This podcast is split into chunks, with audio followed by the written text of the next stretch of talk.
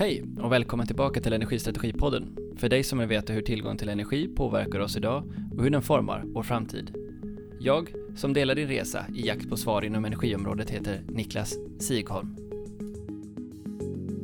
Emma Wiesner blev hastigt Centerpartiets nya Europaparlamentariker i februari och hon har redan hamnat mitt i flera processer som påverkar Europas energimarknad.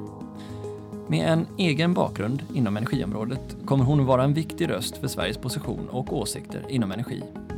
I och med EUs nya ambition om 55% reduktion av koldioxid ses flera områden över för att skärpas. Det här avsnittet blir som en snabbspolning genom alla områden som nu är aktuella och hur Emma ser att det påverkar oss. Häng med! Varmt välkommen till Energistrategipodden, även om vi sitter på varsin sida en digital tråd. Tack så jättemycket. Kul att ha dig här, Emma Weisner, visst är det så? Weisner, absolut. Och du är ju i ropet för att du har tagit en eh, plats för Centerpartiet som en EU-parlamentariker i, vad heter det? Europaparlamentet. I Europaparlamentet, ja, det får jag anledning att rätta mig själv. Och eh, har också då ett stort fokus på energifrågor, vilket ju många av oss känner till. Men ge oss först lite bakgrund. Vad är din kontext och hur kommer det sig att du har hamnat här med energifrågor i fokus? Ja, absolut. Jag blev ju invald i Europaparlamentet den 4 februari eh, i år, så att jag är ju Sveriges och Centerpartiets nyaste parlamentariker eh, och är väl fortfarande ny på jobbet, skylten på. Jag har jobbat nu här i två månader eh, och blivit inkastad i EU-politiken. Anledningen till att just energifrågorna eh, är mina frågor är att jag är utbildad civilingenjör inom energi, jobbat i energibranschen sedan länge och därför blev det naturligt att, att mitt fokus också i parlamentet skulle vara energifrågor. Och vad, vad var det som förde dig in på, på området? Vad, är det, vad har dina drivkrafter varit som har lett fram till, till det fokuset? Ja, alltså jag brukar alltid säga att jag står med ett ben i, i um, energi och teknik och politik, eh, ett ben i, i klimat och energifrågan och, och tekniken och så det andra benet i politiken och, och samhällsfrågan. Jag gick med i ett politiskt parti redan eh, 2006. Jag var 13 år gammal så jag var väldigt ung in i politiken och jag läste på om alla parti, politiska partier och valde ett parti väldigt, väldigt tidigt eh, och blev medlem i Centerpartiet. Och det var samtidigt som miljö och klimatfrågan hamnade mycket på tapeten. Det var Al Gores An Inconvenient Truth, pratades eh, väldigt mycket om, om växthuseffekten och, och sådär. Eh, vi ordnade en, en insamlingsgala och samlade in pengar till förmån för, för klimatarbete när jag gick i åttan och på högstadiet och så på min skola. Så att jag visste tidigt att det var också klimat och miljöfrågan som, som drev mig. Jag har varit ute mycket ute och seglat när jag var liten, vi har varit mycket ute i skärgården, jag, jag gillar att vara ute i skog och mark, jag är väldigt så naturnära. Så att jag har en kärlek till, till vår miljö och till vår natur och det har sedan lockat fram då det här politiska engagemanget i att vi måste faktiskt hantera klimatförändringar. Så att jag har alltid valt liksom mellan natur och samhällsvetenskap, jag har aldrig bestämt mig vilket ben jag skulle välja. Eh, men alltid dragit lite åt det naturvetenskapliga hållet så jag läste natur på gymnasiet, jag valde civilingenjörsutbildningen eh, inom energi just för att eh, energifrågan är ju så nära kopplad till klimatfrågan. Ja, man tittar ju först lite på de här miljöutbildningarna men jag insåg ju ganska snabbt att det är ju energisystemet vi måste förändra om man faktiskt vill förändra klimatarbetet och klimatfrågan. Eh, så jag landade i, på Uppsala universitet och läste till civilingenjör eh, och sen har jag jobbat olika roller inom, inom branschen men, men alltid liksom också nära till samhällsengagemang och samhällsfrågor. Jag har liksom haft det politiska vid sidan av. Så det är först nu då, sedan två, två månader tillbaka som jag faktiskt då är politiker på heltid trots att jag alltid haft ett stort intresse för, för politik. Så det har inte varit helt självklart även om det känns ganska naturligt att nu jobba med samma frågor fast åt andra hållet. Andra sidan bordet kan man säga. Var kommer du från senast? Senast kommer jag från, från batteribranschen. Jag har jobbat för eh, Northvolt med, med deras förutsättningar för att bygga, bygga batterifabrik. Jag var där i ett och ett halvt år jobbat mycket med, med också EU-lagstiftning för Northvolt och tittat på batterireglering och förutsättningar för både för energilager i stort men också förutsättningar att bygga storskalig produktion och sådär. Det var ett enormt spännande äventyr. Eh, när jag började på Northvolt så var det kanske 500 anställda och sen när jag lämnade så var det väl nästan 1000, 1000 ytterligare personer som hade anställts bara under den korta tiden. Och på samma sätt uppe i Skellefteå så var det bara en grusplan. När jag började, vi var uppe och stod och kollade på markytan. Och sen när jag lämnade så, så är faktiskt fabriken på plats uppe i Skellefteå och man börjar liksom se hur produktionen så sakteligen nu liksom drar igång. Ja, det är superhäftigt. Så, att, eh, så att eh, när jag inte kom in i Europaparlamentet efter valet 2019 så blev det, vill jag göra någonting nytt och då, då var Northvolt ett väldigt naturligt val och en, en väldigt spännande plats att vara på. Så att jag har trivs väldigt bra. Och ganska signifikant, tänker jag också, för hur energibranschen ställer om, apropå hur snabbt det går. Ja, verkligen. Alltså jag har ju eh, egentligen under min utbildning fokuserat väldigt mycket på kraftvärme och kraftvärmeprocesser. Jag tycker att fjärrvärmen och, och kraftvärmepannor är ju väldigt, väldigt spännande. Så att jag fick liksom tänka om lite där och, och hoppa in i en helt ny bransch och jobbat med batterifrågor. Det har varit väldigt annorlunda men ja, som du säger, det händer ju enormt mycket. Och över till EU då och det området, ja, för där händer det ju också hur många olika saker som helst. Vilka typer av utskott är det du sitter i? Nej men jag, jag har ju ändå hamnat i, i helt rätt utskott. Jag kliver in i Fredrik Federleys tidigare utskott Eh, och de utskotten som han har suttit i. Men de är ju verkligen precis de frågorna som jag också brinner för. Eh, så att jag sitter i utskottet för miljö och klimatfrågor, eh, miljöutskottet. Jag sitter också i energi, industri, teknik och forskningsutskottet. Långt namn på den men jag brukar lite slarvigt säga energiutskottet. Sen har vi jordbruksutskottet, fiskeutskottet och granskningsutskottet för djurtransporter. Väldigt brett. Ja, det är en bred, bred portfölj men den har ju, samlar ju verkligen de gröna frågorna. Om man tittar på klimatfrågan, det går ju väldigt nära in i energifrågan. Tittar man på biodiversitet och markfrågor och sådär, det har ju både med lantbruk, jordbruk och med miljö att göra. Så att, så att de går väldigt bra in i varandra. Jag brukar ändå samla det under att jag har en ganska grön, eller en väldigt grön portfölj. Hur många är det som ingår i ett sånt här utskott, bara för att förstå ungefär vilket sammanhang du verkar i? Oj, bra fråga. Här får jag då avslöja hur, hur ny jag är på jobbet fortfarande. Men det är lite olika. Miljöutskottet är ett av parlamentets största utskott och där är ju runt 100 parlamentariker som sitter och jobbar i. Från den liberala gruppen så är vi 10 stycken ordinarie eh, ledamöter i miljöutskottet. Eh, så att det är jag och nio, nio kollegor. I granskningsutskottet för djurtransporter där är det betydligt färre. Jag tror att det kanske är 40 medlemmar och där är vi fyra från liberala gruppen. Så det är, det är lite olika storlekar på dem. Eh, men både miljö och energi och industriutskottet är ju väldigt stora. Ska vi försöka samla oss då till ett djupt andetag och liksom gräva oss in i alla de liksom centrala områdena som är på gång här nu då inom, inom EU? Ja, det är egentligen pick and choose. Var skulle du vilja börja någonstans med vad som är mest aktuellt på tapeten just nu? Alltså ur ett energistrategiperspektiv så är det ju enormt bra timing att, att spela in det här avsnittet nu för att det kommer komma en, en lavin av energi och klimatlagstiftning på, på bordet till parlamentet redan i sommar. Allting beror på Parisavtalet ska man väl säga och det är ju fantastiskt att det, att det är så att det faktiskt får resultat av att vi går in i Parisavtalet. Man hade ett mål om att EU ska minska sina utsläpp med 40 procent jämfört med 1990 eh, fram till 2030 så klev man in och skrev under Parisavtalet gemensamt på EU-nivå. Man insåg att gud, det här kommer inte räcka. Kommissionen höjde målsättningen till 55 procents utsläppsminskning. Parlamentet vill ha till och med 65 procent. Men, men någonstans där 55-65 procent kommer vi behöva minska utsläppen i Europa. Så att då ändrade man målsättningen och eh, det är redan klubbat att vi ska ha en högre ambition. Och eh, det finns ju ett Einstein-citat som säger att insanity is doing the same thing over and over again and expect different results. Eh, och det har man verkligen tagit fasta på. Vi kan inte hålla på med samma politik och tro att vi ska nå nya mål utan ska vi ha nya mål så behöver vi ny politik. Och det kallas då Fit for 55.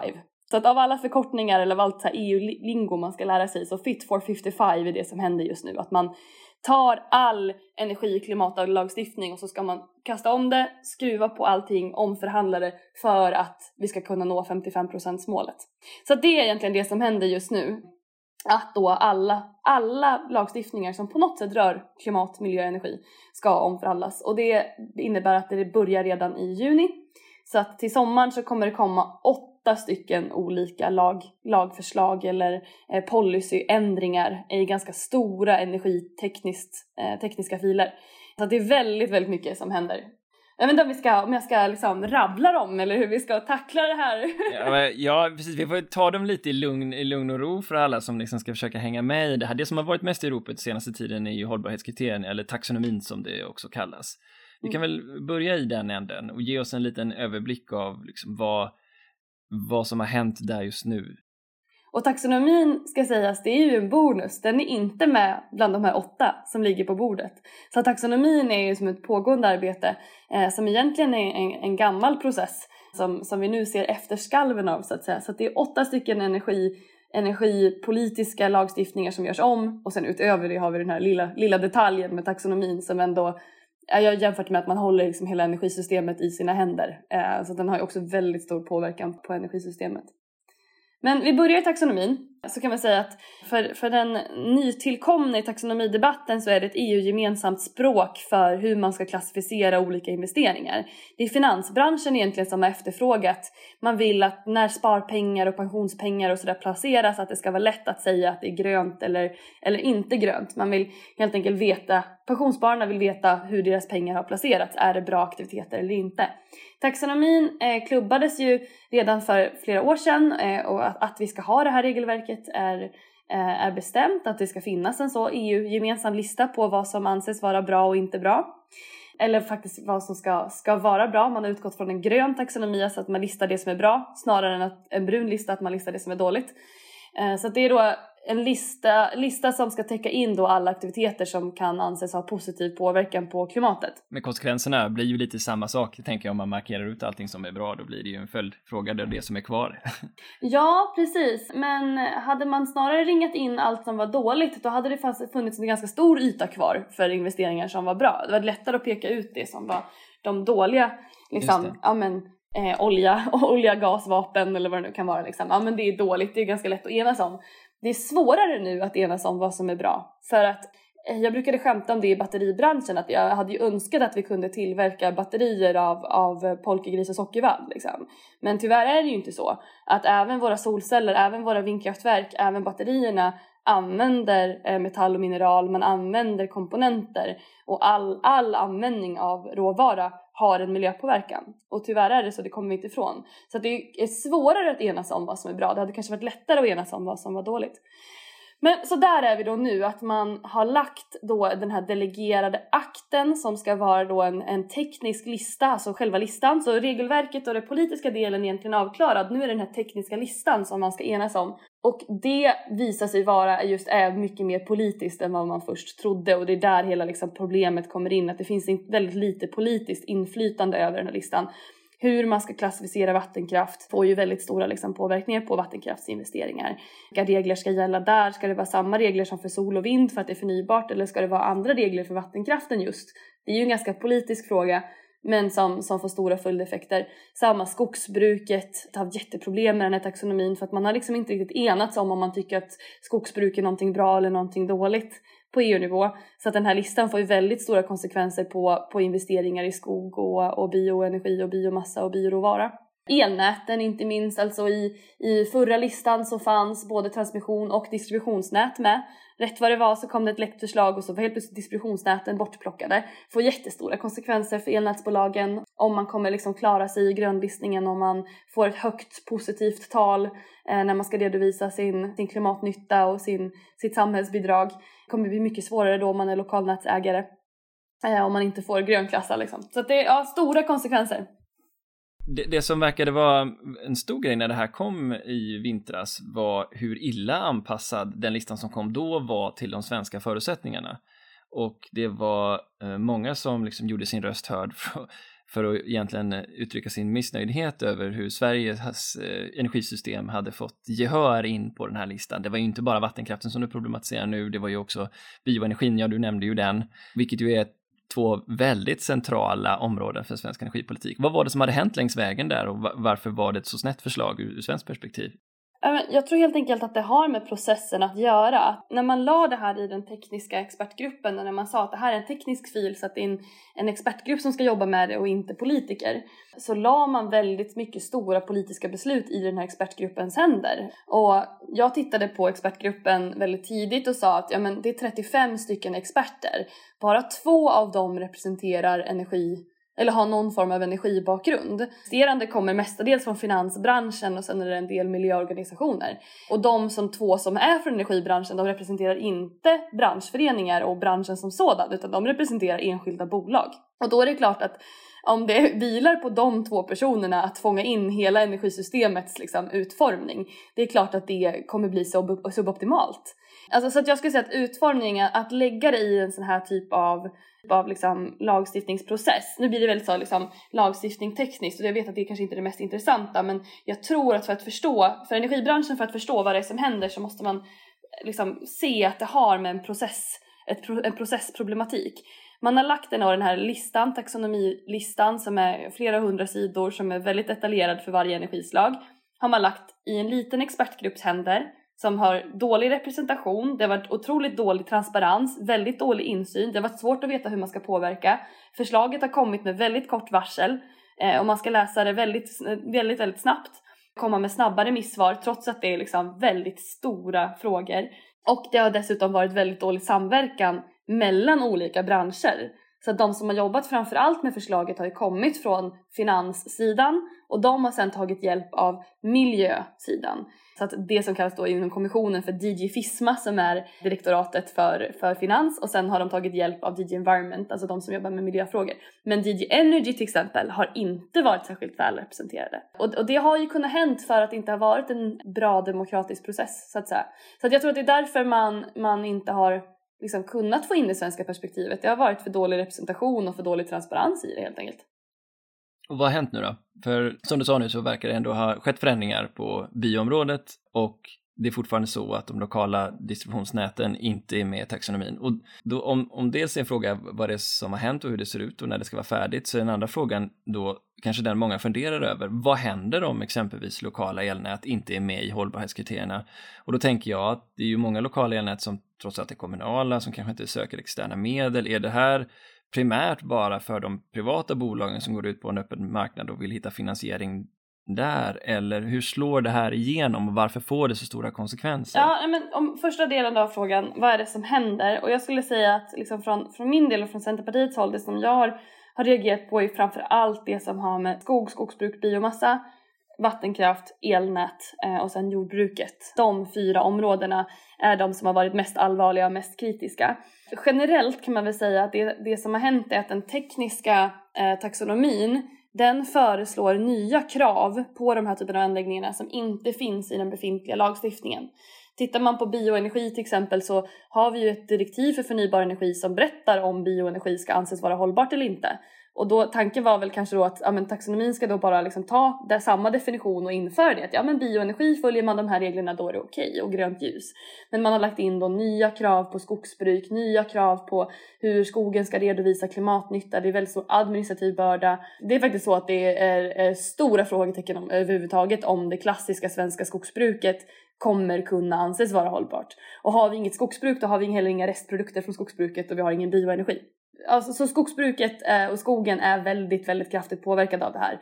Eh, och hur det kommer sig är ju för att det finns en annan syn på skog och markanvändning i framförallt eh, liksom miljörörelsehåll, eh, länder i Europa som har väldigt lite skog och sådär, man är väldigt mån om att skydda skog och att, att använda skogen ses generellt som någonting dåligt. Så det är det, det med skogen. Vattenkraften, det är samma där, att man är väldigt rädd för skada på biologisk mångfald, det här med ja, men påverkan på, på närmiljö. Så att vattenkraften har man sagt har andra regler än vad sol och vind har. Sol och vind har liksom en, en, en gräddfil för att man är förnybara. Vattenkraften har inte fått samma gräddfil utan man eh, måste skicka in andra typer av beräkningar för att visa att man verkligen är hållbar och sådär. Elnäten eh, var jag inne på, där har man plockat bort distributionsnäten. Tidigare var båda med, men även, även om båda skulle finnas med så finns det ganska orimliga krav på att man måste Elnätet måste vara ansluten till en anläggning med låga utsläpp.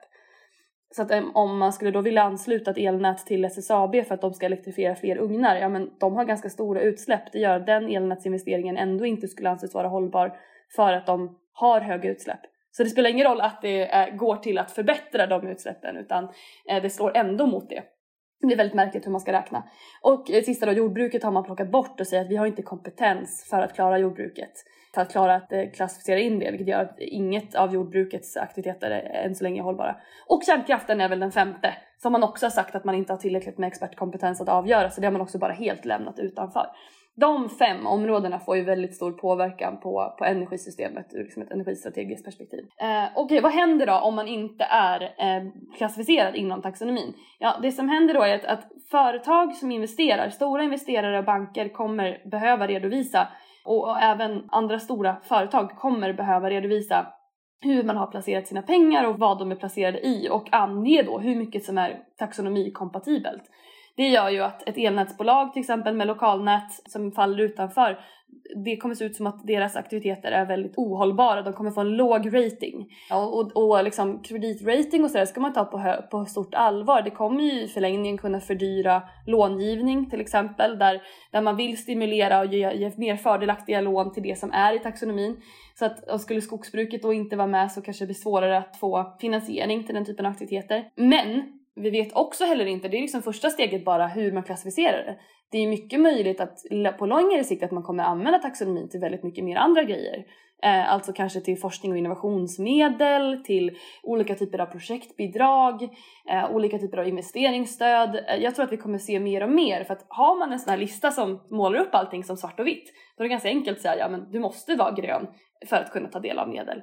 Så att, och vem ska då investera i en, i en anläggning för att producera nästa generations biodrivmedel? Eh, om, om, som, som i första förslaget om bioenergi anses vara en temporär lösning och inte en slutgiltig lösning. Ja men vilken kreditgivare vill ge ett investeringsbidrag för att investera i biodrivmedel då? Om man vet att om, om 20-15 år så ska det här vara ut, utfasat. Alltså det är, investeringssikten var ju betydligt längre. Men för då blir jag också förvirrad, för, för det du nämner nu är väl sånt man ändå förväntar sig ska finnas med i förnybart-direktivet. Alltså det vi snart ska prata om, RED och RED 2. Kommer hållbarhetskriterierna att påverka också då möjligheten som egentligen, eh, vad ska man säga då, inte går emot kanske, men som sätt ställer andra krav än det förnybart-direktivet ställer krav på? Ja, och det här är en av grund, grundproblematiken att för, för vattenkraft ställer man krav som går utöver ramvattendirektivet, för bioenergi ställer man krav som går utöver förnybartdirektivet. Man liksom lägger på ett lager av krav på den här typen av, av energikällor. Och det är ett stort problem. Nu gick du ju ut här för ett tag sedan och berättade om ändå framsteg för definitionerna och inkluderingen av, av bioenergi i taxonomin. Och vad var det som hade hänt då? Ja, men det som är att man har lagt till hänvisningar till förnybartdirektivet. Eh, vilket gör att det ser väldigt, eh, väldigt mycket bättre ut. Att man liksom säger att ja, men precis som i förnybartdirektivet så ska man redovisa X, Y och Z. Istället för att bara säga att man måste redovisa X, Y och Z för då kan det omtolkas. Men och tittar man på skogen till exempel, skrapar man lite på ytan så ser man att Ja, man har bytt rubrik. Innan hette det eh, Improved Forest Management. Man har bytt rubrik till Forest Management, alltså att det inte bara handlar om ett förbättrat skogsbruk utan skogsbruk generellt. Men skrapar man lite på det här och läser, djupdyker i texten så är det fortfarande nya krav som tillkommer. Det är inte bara enligt den befintliga lagstiftningen utan man lägger på fortfarande nya krav på bioenergi och på skogs, skogsbruk. Så att det finns ändå liksom, det är fortfarande, man har liksom inte riktigt bestämt sig för att det är den befintliga lagstiftningen som ska gälla. Och samtidigt är det du målar upp väldigt allvarliga konsekvenser då om inte svensk skogsbruk eh, skulle få del av eh, en hållbarhetsklassificering och därmed då också, jag drar inte hela den resan du gjorde, men slutsatsen är, då får vi inte heller restprodukter från skogen och kan leverera till, till vår värmesektor.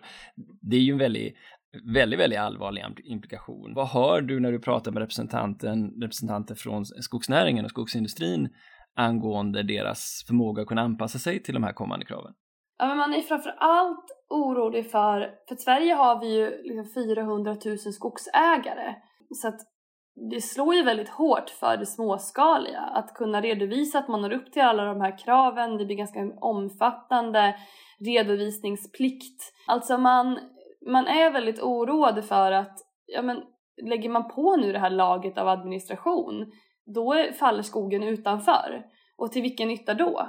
Alltså att kommissionen har liksom inte riktigt bestämt sig för att man tycker att skogsbruk är någonting bra. Och då har man hittat det här som ett verktyg att komma åt det men, men då tror jag att det här är helt, liksom helt fel verktyg att, att komma åt den grejen. Det här skulle vara ett, ett sätt att underlätta för finansbranschen, för banken att inte investera i fossila bränslen och hitta alternativ till det. Och det finns en politisk konflikt i det här, alltså hur partiernas syn på hur taxonomin ska användas. Och det finns ju partier som tycker att det är viktigt att taxonomin bara styr om till det mest, mest, mest hållbara. Att det ska vara en mörkgrön taxonomi, att det är liksom bara är det som har så låg påverkan som möjligt som ska klassificeras in. Och där andra då, så som jag, är väl mer inne på att ja, men så länge det är någonting som tar oss från det fossila beroendet så bör, bör det räknas vara gott nog för taxonomin. Alltså ett lite mer ljusgrönt perspektiv om man får säga det så för att det är så enormt mycket pengar som idag går till kol, olja, gas som borde ingå in i andra sektorer. Så att bara man undviker de, de dåliga branscherna utan faktiskt försöker få klimatnytta av, av pengarna, att det borde vara gott nog. Och det som är problemet är att det finns en politisk differens här. Så det är inte bara en teknisk lagstiftning längre utan det finns faktiskt olika politiska åsikter om hur taxonomi borde användas. Så det, det är det då som blir problematiskt när vi inte ens som politiker, vi får inte ens diskutera det här utan det kommer ett förslag från en expertgrupp och vi i parlamentet får bara säga ja eller nej. Vi får inte ge ändringsförslag på det. Hade det varit en, en vanlig process hade ju jag som politiker kunnat påverkat och ändrat och, och kommit med liksom förbättringsåtgärder men det går inte nu. Ja, och vi som kom överens om att vi inte skulle prata för långt om själva taxonomin eftersom det finns så himla mycket annat att diskutera. Men det är väldigt svårt att inte hålla sig kvar vid ett ämne som riskerar att få den här typen av konsekvenser som du beskriver inom ett område som står för bortåt 38 procent av vårt totala energisystem om man räknar in allting som, som bioenergin ger oss idag. Har man den typen av rätt så, så brutala effekter hur för man vidare det? Så, så kan vi väl inte ha det, det blir min spontana reaktion. Nej, och, och det är lite det jag var inne på, att man sitter med hela energisystemets utformning i sina händer. Det är ju inte bara bioenergin, det är, för svensk del är det ju också vattenkraft och kärnkraft. Och även liksom sol, och, sol och vind också i viss mån, och elnätsutbyggnaden jag tror ju att taxonomin i grunden är någonting bra. Jag tror att det kan vara en nyckel till att låsa, liksom, låsa upp mycket eh, kapital som kan styras om eh, och gå i en bättre riktning. Men jag är liksom väldigt kritisk till den här processen och hur det har skett och det man kan göra nu är att hoppas att eh, och arbeta för att utformningen ska bli så bra som möjligt, att det faktiskt går att, att använda och att man får gehör för den svenska linjen men i slutet av dagen, det jag kan göra som liksom, politiker i det här läget är ju att vi kan rösta ja eller rösta nej. Och då beror det helt på hur den slutgiltiga versionen ser ut. Hur illa den blir så att säga, om, om det är något jag kan tolerera eller inte. Så att ja, det är väldigt spännande tider. När röstar ni? Det vet vi inte, det beror på. Det läckta förslaget kom ju här nu i mars. Eh, och så misstänker jag att de kommer arbeta om det igen och kanske läcka lite till för att se och, och sådär. Men de hade ju velat att vi skulle anta det redan innan jul. De är ju redan nu försenade. Så att, men så fort förslaget kommer från kommissionen så har vi tre månader på oss i parlamentet att tycka till och säga ja eller säga nej. Så att det beror helt på eh, när, när det släpps och det är därför jag som är på helspänn och lite på tårna i den här frågan. För att när det väl kommer så, så har vi väldigt kort tid på oss att agera. Och där behöver man väl också liksom energibranschens hjälp att liksom svara på det här. Hur illa blir det? Hur, hur mycket kan vi tolerera? För det finns ju faktiskt stora vinster med taxonomin också, att, att vi kan få in pengar till väldigt mycket bra grejer. Att det svenska energisystemet skulle ju kunna vara en stor alltså få väldigt stora fördelar av det här taxonomiförslaget också. Så det är inte bara dåligt. Så att, att, att reagera på det när det kommer är väl ett medskick till de som lyssnar att, att jag kommer ju verkligen vara på tårna i frågan så att man är varmt välkommen att, att höra av sig om hur det påverkar liksom just era energiverksamheter. Mm. Vi får se om vi hinner tillbaka till det här med bioenergis roll och vad det är som skapar olika uppfattningar kring bioenergin i Europa. Men om vi ändå tar den här mjuka övergången nu till en av de här åtta frågorna och som vi var inne på lite grann och förnybart direktivet som jag förstår ska fattas beslut om den 30 juni. Berätta lite om vad det infattar. Ja men förnybartdirektivet sätter ju målen för andelen förnybar energi. Där hade man ju tidigare i RED 1 så hade man ju mål för respektive medlemsland hur mycket förnybar energi det skulle finnas i varje lands energisystem. Så plockade man bort det i RED 2 eh, och satte ett EU-gemensamt mål och nu ska man då i RED 3 uppdatera Eh, de målen för att nå 55% målet. Så att förnybart energidirektivet är en av de som ligger nu på agendan till sommaren just för att skruva upp ambitionen för att nå Parisavtalet. Det man inte har bestämt sig från kommissionen är om man också ska då se över de här hållbarhetskriterierna en gång till. Eh, väldigt spännande om man vill strama åt reglerna för bioenergi ytterligare en gång. Det ligger eh, eventuellt i den här. Men även om man ska se över de andra spelreglerna för förnybar energi, vilket jag tycker att man borde göra nu när man har chansen att ska man titta på förnybartdirektivet så behöver man också kolla på spelreglerna. Hållbarhetskriterierna är jag mer skeptisk till att man ska öppna upp igen i och med att de gamla reglerna de har ju inte ens börjat gälla. Eh, så det är ju bra, som politiker är det ju bra att ha något att utgå ifrån att titta på om det funkar eller inte funkar innan man gör ändringar. Nu har ju de inte börjat gälla så då är det svårt att göra ändringar på någonting man inte vet hur det slår ut. Eh, men, men i övrigt så finns det ju regler som påverkar eh, hjärtefråga för mig, ursprungsgarantisystemet ligger i förnybartdirektivet eh, regler för energy communities och, och eh, anslutningsplikt och, och vad, vilka regler som ska gälla för, eh, för småskalig förnybar energiproduktion och sådär. Allt det ligger i förnybardirektivet men det är ju framförallt utifrån att man ska uppdatera målsättningen. Ja, så här finns en koppling även till, till nätkoden alltså och kraven för anslutning som ju är en del av dem också. Det är många korsreferenser här. Ja, precis. Det finns en tydlig koppling. Ja, det är många korsreferenser. Man vill ju inte dubbelreglera. Det är ju en sån här tydlig grundprincip att det inte ska dubbelregleras. Men förnybartdirektivet sätter ju ändå upp de här energy community, definierar vad en energi community är. Jag ber om ursäkt för engelska uttrycket men jag tycker inte att de här energisamfälligheterna är något så bra ord. Så att community är väl ändå det som är bäst Eh, men det finns också i det förnybardirektivet. Men om man får vara väldigt så tekniskt nördig så är ju artikel 19 det som rör ursprungsgarantierna som jag tycker är mest problematiskt. Att, att 100% förnybart inte är 100% förnybart enligt dagens ursprungsgarantier. Eh, ursprungsgarantierna köps ju in på årsbasis. Så att om du är en, en brödbakare som vill baka bröd med förnybar energi och så gör du av med 10 000 kilowattimmar och så köper ursprungsgarantier då så täcker ursprungsgarantierna 10 000 kilowattimmar förnybar el sett över årsvis. Jättebra! Och så tycker du då att du bakar med förnybar el. Problemet är ju att eh, de här har ingenting med varandra att göra. Din förbrukning i realtid har ingenting med de här ursprungsgarantierna att göra. Så det kan ju vara sol, solel som är inköpt på sommarmånaderna och sen visar sig att du bakar bröd i oktober så bakar du bröd med liksom, inte jag, importerad kolkraft eller vad det nu kan vara för annan kraft. Nu i Sverige så har vi väldigt mycket fossilfritt men, men säg att det är en, en brödbakare i Tyskland så att systemet 100% förnybart enligt det systemet betyder ju inte 100% förnybart. Så det är ganska liksom omodernt synsätt på el mm. som finns kvar i det här förnybart-direktivet. Så det skulle jag jättegärna se att man, man reviderade. Och det får ju återkopplingar också på alla de fastigheter som kallar sig självförsörjande och som har, bygger upp sitt energisystem på samma vis. Att man har då ett, ett överskott på solproduktion eller annan elproduktion över över sommarmånaderna men sen inte har det på vinterhalvåret så att säga. Ja, men jag tror ju att nästa stora grej, alltså det är byggnader men det är också produkter.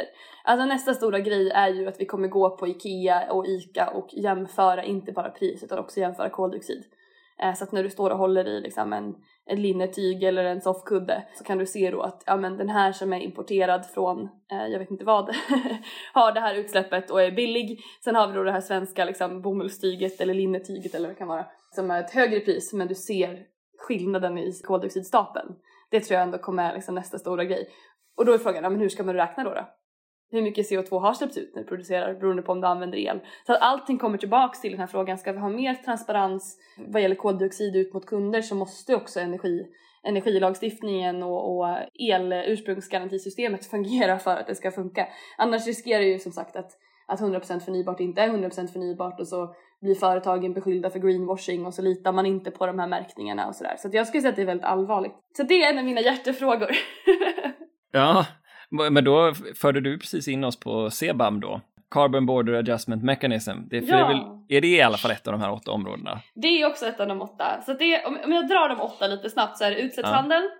Det är CBAM, alltså koldioxidmekanismen som är kopplad till utsläppshandeln. Det är förnybartdirektivet, det är energieffektiviseringsdirektivet, det är det som kallas för effort sharing regulation, alltså hur vi fördelar och bördefördelar våra klimat, klimatåtaganden.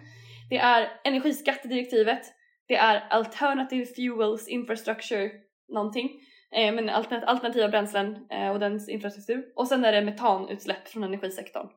Alltså det här med fackling och att man vill komma åt diffusa utsläpp från energibranschen vad gäller metanutsläpp.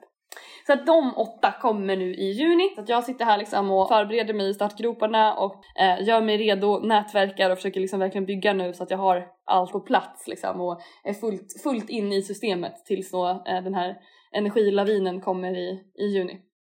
Och CBAM är en av dem. Och eh, berätta då, ta, ta den nu då.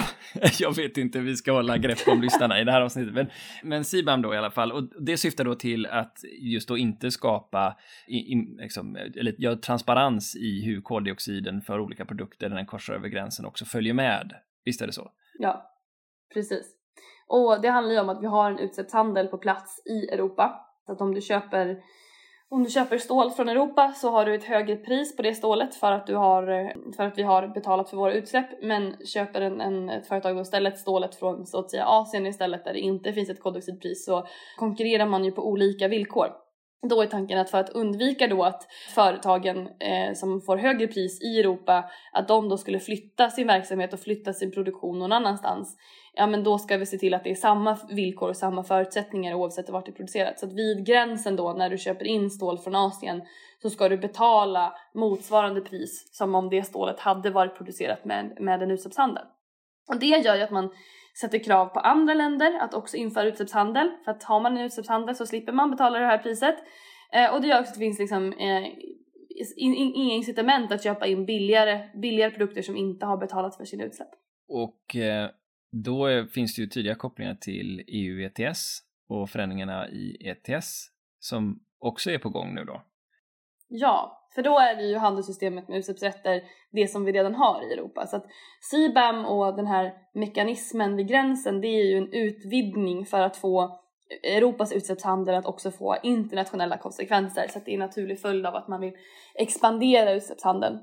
Men samtidigt då, i och med att man då ska skruva på alla lagstiftningar för att nå 55 procent. Så att då säger man att ja, men den nuvarande utsläppshandeln den är ju byggd utifrån det gamla målet, utifrån 40 procent.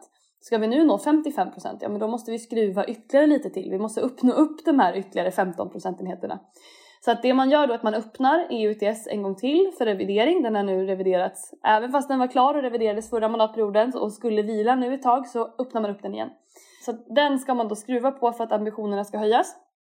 Och man har tittat på, eh, och det här är det som börjar bli riktigt intressant, kan vi inkludera fler sektorer? Kan det vara så att fler måste betala för, för sina utsläpp. Och då har man tittat på att, att in, eh, inkludera också flyget, man har tittat på att inkludera sjöfarten, man har tittat på att inkludera transportsektorn så att även, även våra fordon skulle de eh, ersätta då den svenska koldioxidskatten och bensin och dieselskatterna eh, egentligen. Så att det, det koldioxidpriset som, som vi reglerar idag på nationell nivå skulle då istället regleras på, på EU-nivå. Och man har även tittat på uppvärmningssektorn. Ja, men ge oss lite inblick i vad, vad, vad, vad är din position om det här? Det kan man ju tycka mycket om såklart, men vad, vad tycker du om, om, om den typen av tillägg? Ja, men jag tycker att det är grunden att det är bra att vi utvidgar handelssystemet med, med utsläppsrätter. Alltså jag tycker att det är ganska, det är ett väldigt tekniskt system, men som ändå är väldigt ideologiskt förankrat för, för min del. Alltså om jag, om jag slår dig i ansiktet eller häller gifter i din sjö, alltså det, det, tycker, det är en inskränkning på din frihet. Och därför ska man då se till att, re reglera det. Att då förbjuda mig att slå i ansiktet eller om jag har släppt ut någonting i vår badsjö så är det jag som får sanera det. Men problemet med utsläpp är ju att vi har inte direkta konsekvenser. Alltså det finns ingen direkt logik mellan att jag släpper ut mycket koldioxid och därför höjs vattennivån hemma hos dig så att din, din tomt svämmar över. Alltså det sker ju inte så fort. Men indirekt är det det som händer. Att jag, om jag släpper ut koldioxid så påverkar jag alla andras rätt till att leva på en planet med behagligt klimat. Det är det man brukar kalla för tragedy of the commons va?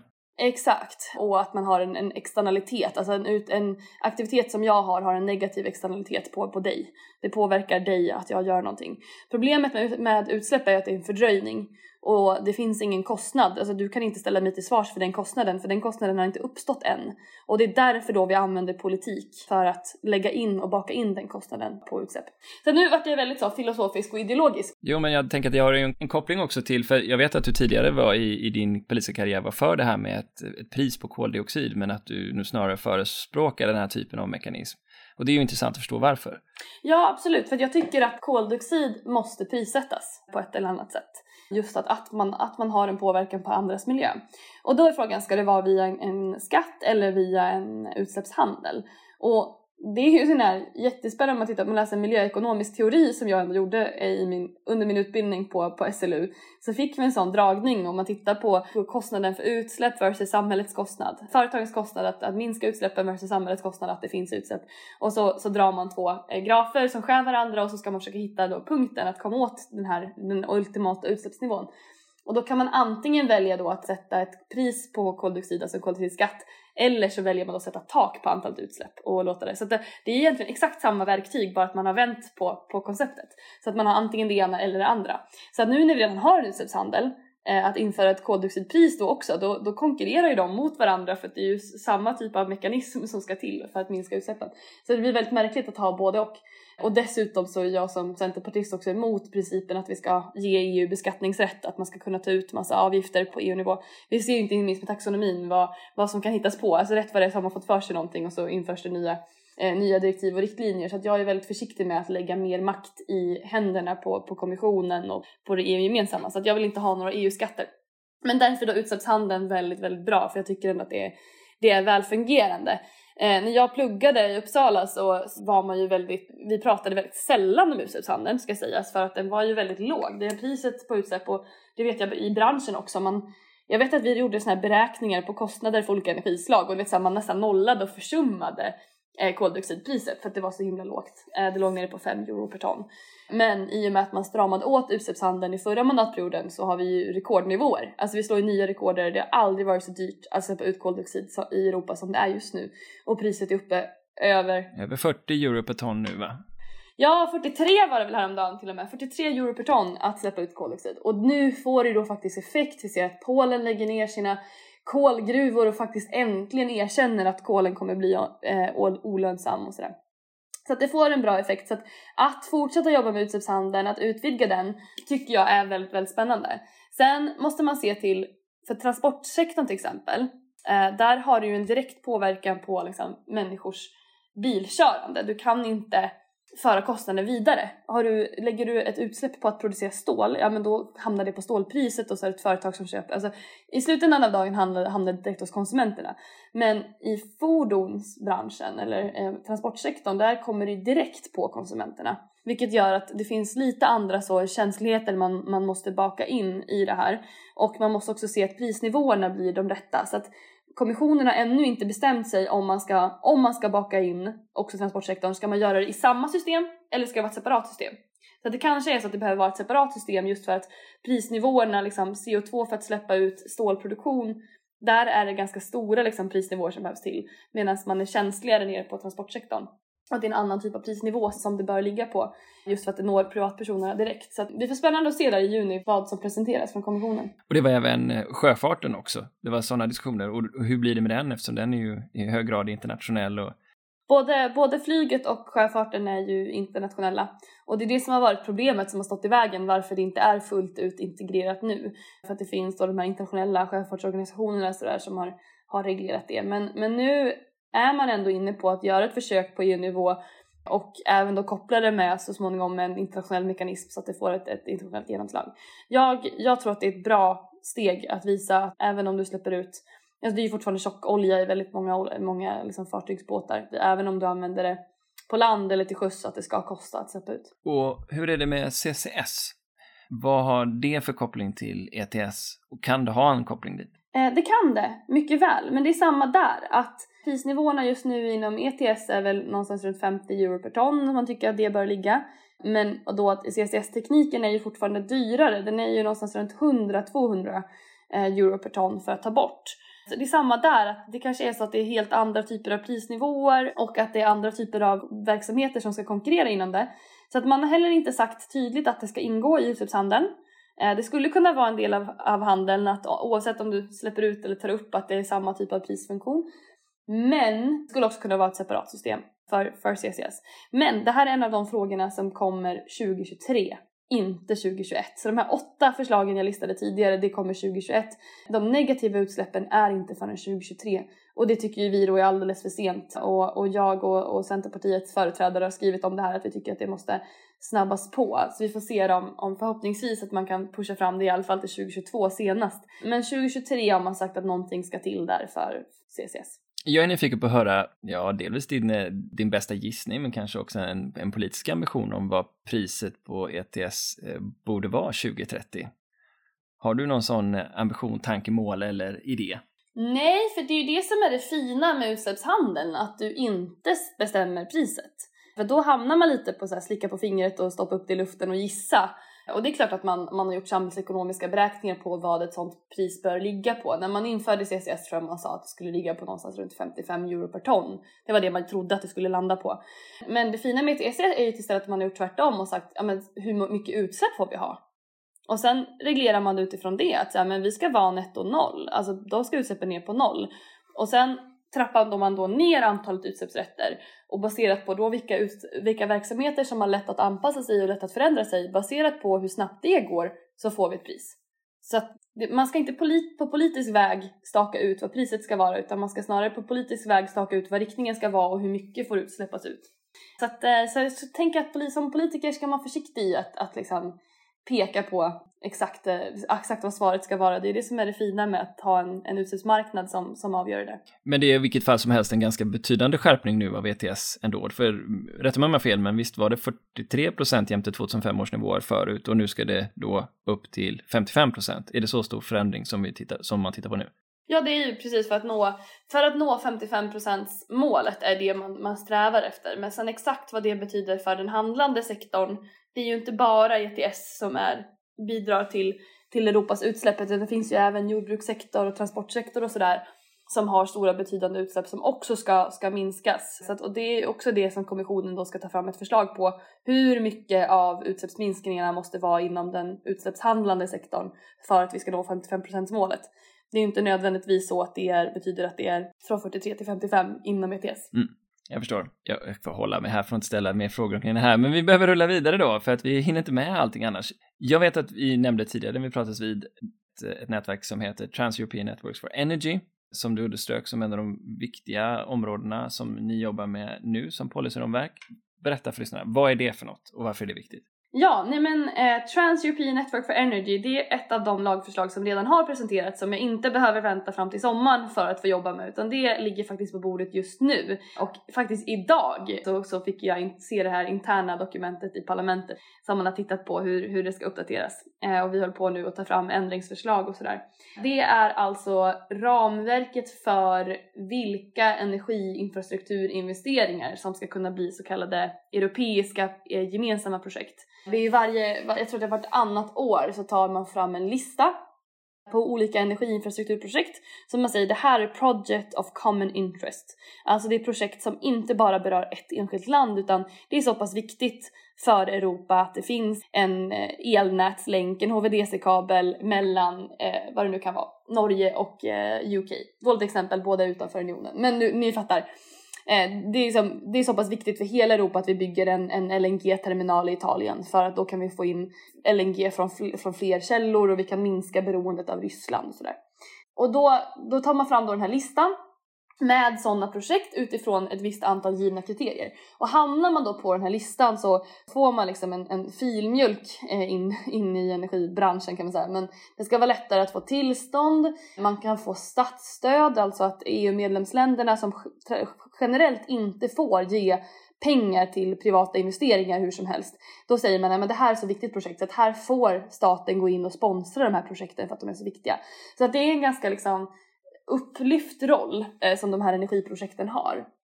Och den då, den här kriterielistan är det vi tittar över just nu. För att, och det här kritiserade jag väldigt mycket i, i valrörelsen. För att det är ju fortfarande så att jag tror det var 56 projekt på den förra listan var fortfarande fossila. Och då var det ju framförallt gasprojekt men även sex projekt inom olja om jag inte helt missminner mig. Så att fortfarande så är det då liksom EU-sponsrade fossila, fossila projekt som vi har med. Så att den här nu uppdateringen av kriterierna är verkligen ett sätt att komma åt att vi inte bygger in oss i mer fossil infrastruktur utan att faktiskt liksom de här EU-gemensamma projekten används för energiomställning istället. Många av projekten jobbar med, med elnät, det är mycket, mycket elnät som har ingått i listan förut men också väldigt mycket gasnät. Och då eh, kom kommissionen med ett förslag här ganska nyligen och nu har då det landat på parlamentets bord och det är en av de frågorna jag jobbar med dagsaktuellt. Så att när jag åker ner till Bryssel på måndag så är det en av de första frågorna som jag ska, ska jobba med och ta fram. Men hur ska, vi, hur ska vi förbättra det här förslaget? Man pratar mycket om det smarta elnät, man pratar om vätgasinfrastruktur, man pratar om e-, elektrolysörer, man pratar om energilagring som nu för första gången skulle kunna vara ett EU-gemensamt, att man, ett land installerar ett energilager. Men man pratar också om smarta gasnät. Och så läser man finstilta texten så inser man att det här gasnätet är ju faktiskt inte så himla smart. Det här är ett vanligt gasnät. Man gömmer sig bakom termen smart och så trycker man in då det här för att många av de gasberoende länderna ska, ska hålla till godo. Så det är en av de nu, dagsaktuellaste frågorna för min del i alla fall. Och vem och var och hur påverkar eh, vilka projekt det är som, som då blir gemensamma EU-projekt? Ja men då, och det här, den här eh, förordningen då reglerar ju också det. Eh, eller direktivet eh, som det är, reglerar också hur, hur den här listan tas fram och det är det ju ofta då genom expertgrupper och med EU, EU-gemensamma då grupper som tittar på, de har, man delar in EU i olika regioner och så då för, för norra Europa då så finns det ett, en expertgrupp som då tittar på och tar fram förslag på och ger förslag på vilka som ska vara de här gemensamma projekten och så får man ranka dem utifrån hur man hur man tycker och klassificerar dem utifrån de här givna kriterierna och sen väljs det då ut av ett, av ett råd då som väljer ut okay, men vilka som slutligen hamnar på, på listan. Ja men det kan ju vara då till exempel kablar mellan Sverige och Norge, kablar mellan Sverige och Baltikum, Sverige och Finland. Så att liksom att bygga ut eh, stamnätet och koppla ihop oss med fler, fler länder i Europa, det skulle kunna påverkas. Men det som vi också har tittat på det är ju de här nya typerna av projekt som kan behövas. Alltså ja, men att, att batterilager, elektrolysörer skulle kunna bli gemensamma om man sätter kanske nära Finland och att det påverkar då på Sverige och Finland om vi bättre kan lagra vindkraftselen som byggdes där uppe i markbygden. Att de också har då en elektrolysanläggning. Det skulle kunna vara ett EU-gemensamt projekt till exempel. Så det, det får ganska, har ganska stor påverkan också på, på svenska energisystemet. Det som jag har funderat på är mycket det här med, eh, med fjärrvärmen som inte alls nämns. Alltså fjärrvärmenät är inte med till exempel. Men det skulle man ju på sikt kunna tänka att, att det går att bygga ihop också mellan EU-länderna, att det inte bara är kommunalt. Infrastruktur för koldioxid är också med. Så att när vi fångar in då eh, koldioxid från olika anläggningar att den infrastrukturen för att sedan lagra och, och sådär, den också skulle kunna vara EU-gemensam och av EU-gemensamt intresse för svensk del blir det ju förmodligen utanför Norge liksom att, att det byggs där och då kommer även Finland och Danmark och Tyskland kunna köra sin koldioxid till, till den typen av lagringsstationer. Eh, så det är ju verkligen EU-gemensamt. Så det är också nytt för, för det här nya förslaget som vi jobbar med. Så att väldigt mycket nytt händer på, på just det här området. För när jag läser igenom de här projekten som har legat inom ramen för det här TEN-E tidigare så är det nästan som att se på den, eh, den svenska, det svenska behovet fast EU-utzoomat. Det är mycket transfereringar från norr till söder, mycket elmotorvägar. Är, är det så för en annan okunnig om det europeiska liksom, energisystemet att det finns samma utmaningar i Europa som vi har i Sverige, nämligen att överföringen från norr till söder, ju mer förnyelsebart vi får i systemet, blir viktigare och viktigare. Inte nödvändigtvis norr till söder, men man har ju tagit fram en ny offshore wind-strategi, eller offshore renewable, för det är också våg, vågkraft och flytande solceller som ligger med i den. Men offshore renewable, och då har man ju kommit på att potentialen på Medelhavet är väldigt stor, på Nordsjön är det väldigt stort. Så det är också liksom från, från kust in till land som man ser ett stort utbyggnadsbehov. Så framförallt Medelhavet och uppåt skulle jag säga. Och sen är det ju också beroende på vart industrin ligger. Om man tittar ett land som Luxemburg Eh, de har ju väldigt lite elproduktion och importerar väldigt, väldigt mycket. Så att i den regionen så finns det ju flöden från de andra länderna till Luxemburg. Belgien väljer att lägga ner kärnkraftverk vilket gör att de kommer importera mycket mer från Frankrike och saknar ibland överföringskapacitet. Det ser lite olika ut region för region men att elnätet behöver byggas ut och att elnätet är en fysisk begränsning för en annars väl, alltså en elmarknad som skulle kunna fungera bra med flöde mellan länder men att man begränsas av, av nätkapaciteten, det, det förekommer i hela Europa skulle jag säga. Mm.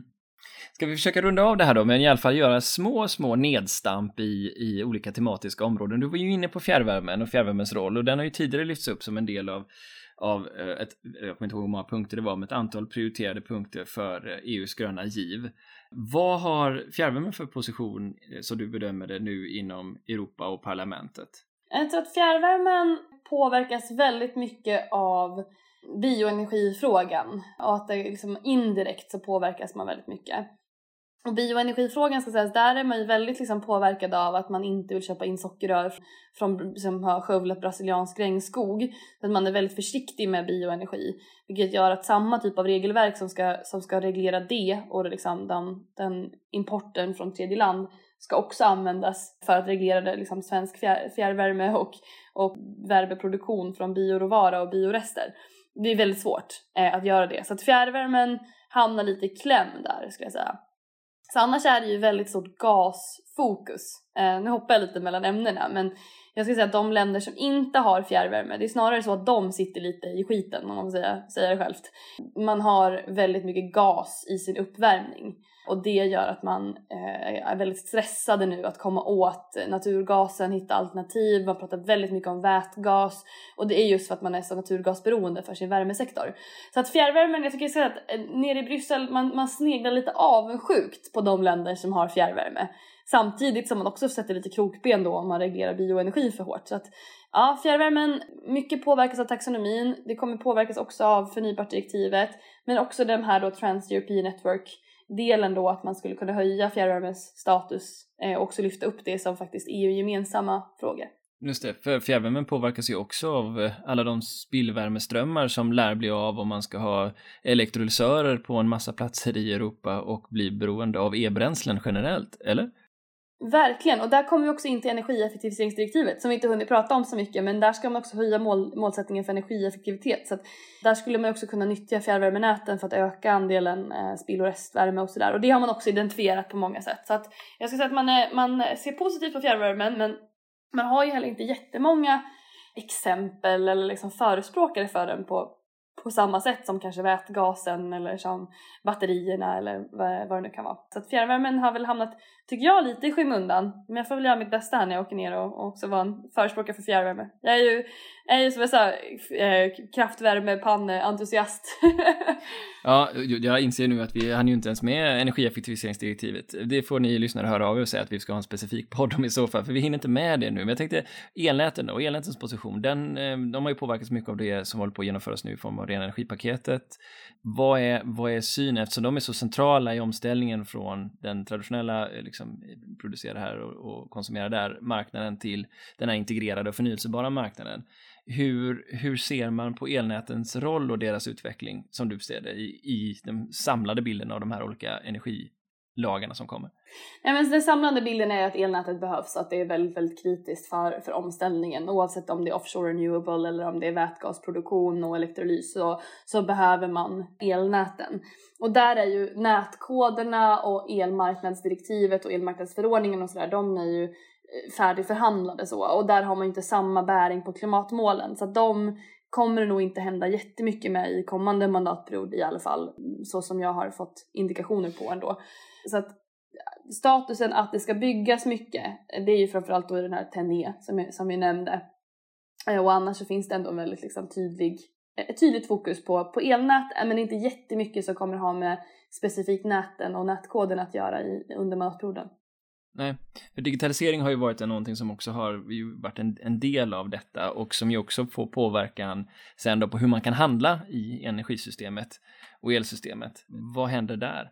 Oj, det är faktiskt en bra fråga. Nu får jag avslöja här då att jag bara är två veckor, eller två månader in, in på jobbet. Men, men digitaliseringsfrågorna ligger ju också i energi och industriutskottet. Så det kommer ju vara väldigt nära sammanflätat. Sen tyvärr är det ju så att man i parlamentet är ju väldigt beroende av vad kommissionen har, har för, för på agendan och vad de har för intentioner.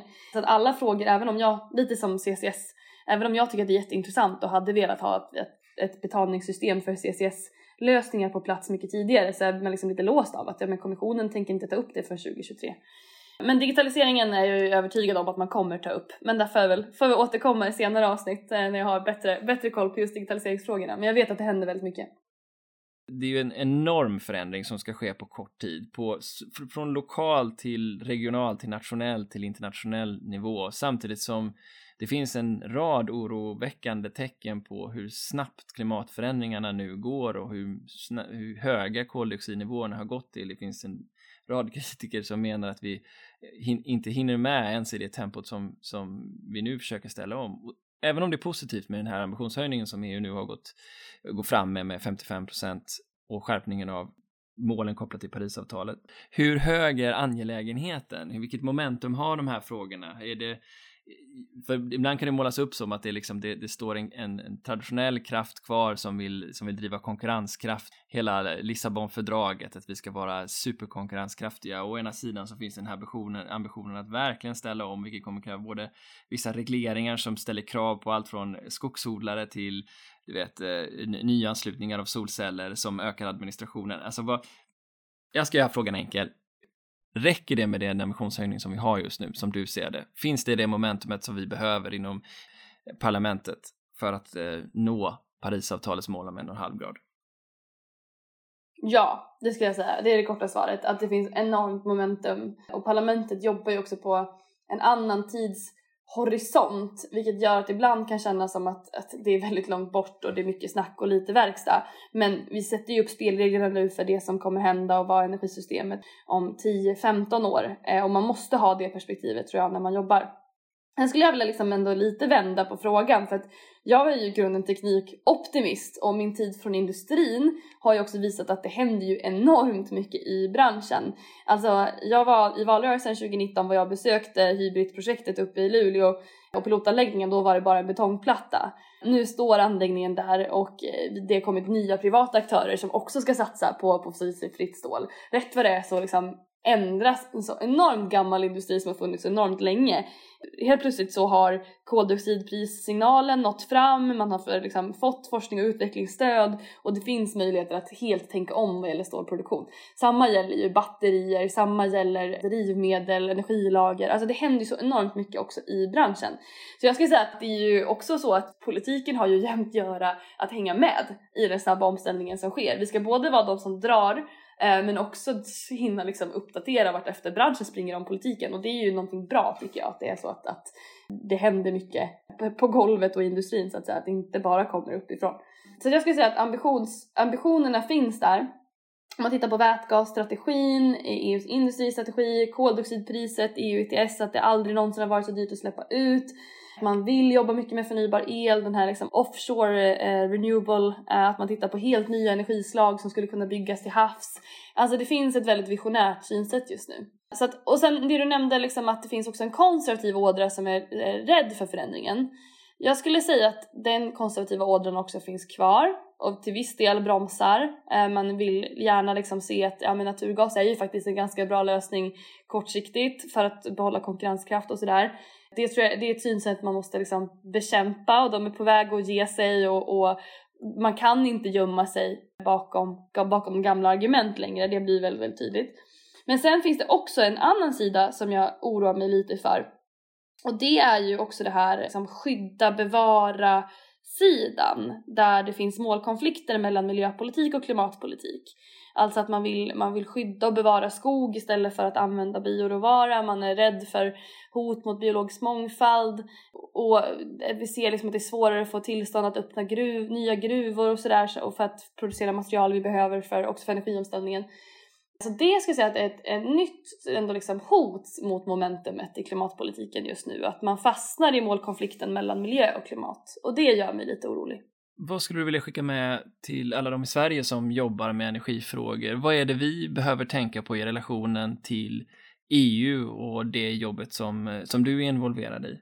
Finns det något där? Ja, jag skulle vilja säga att det är eh, tre grejer nu när jag får chansen att prata direkt med, med branschen. Den ena är att vara med och reagera tidigare eh, när det händer grejer i processen. Uh, taxonomin till exempel, som vi pratade mycket om i början, kan man vara jättearg på. Men det arbetet har ju ändå pågått i ett, ett ganska bra antal år. Och expertgruppen tillsattes tidigt och redan där flaggade man för att man kanske inte hade samma syn på skog som i Sverige och sådär. Så att det är rätt att sitta och efterklok och vara arg nu, men det är bra att vara, vara engagerad och aktiv tidigt.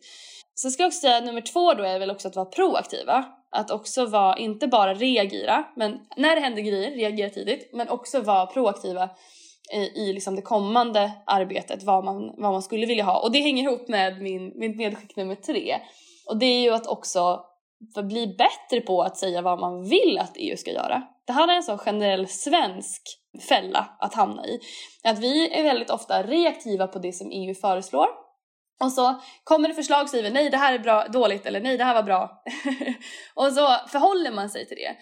Medan de andra medlemsländerna som varit med längre i unionen, man har liksom redan tänkt på så här, ja men det här skulle vi kunna göra på EU-nivå. Och så kommer man med nya förslag eh, och nya grejer man vill att EU ska göra. Så här, ja men det vore bra om vi utvecklade till transportsektorn för det skulle hjälpa oss.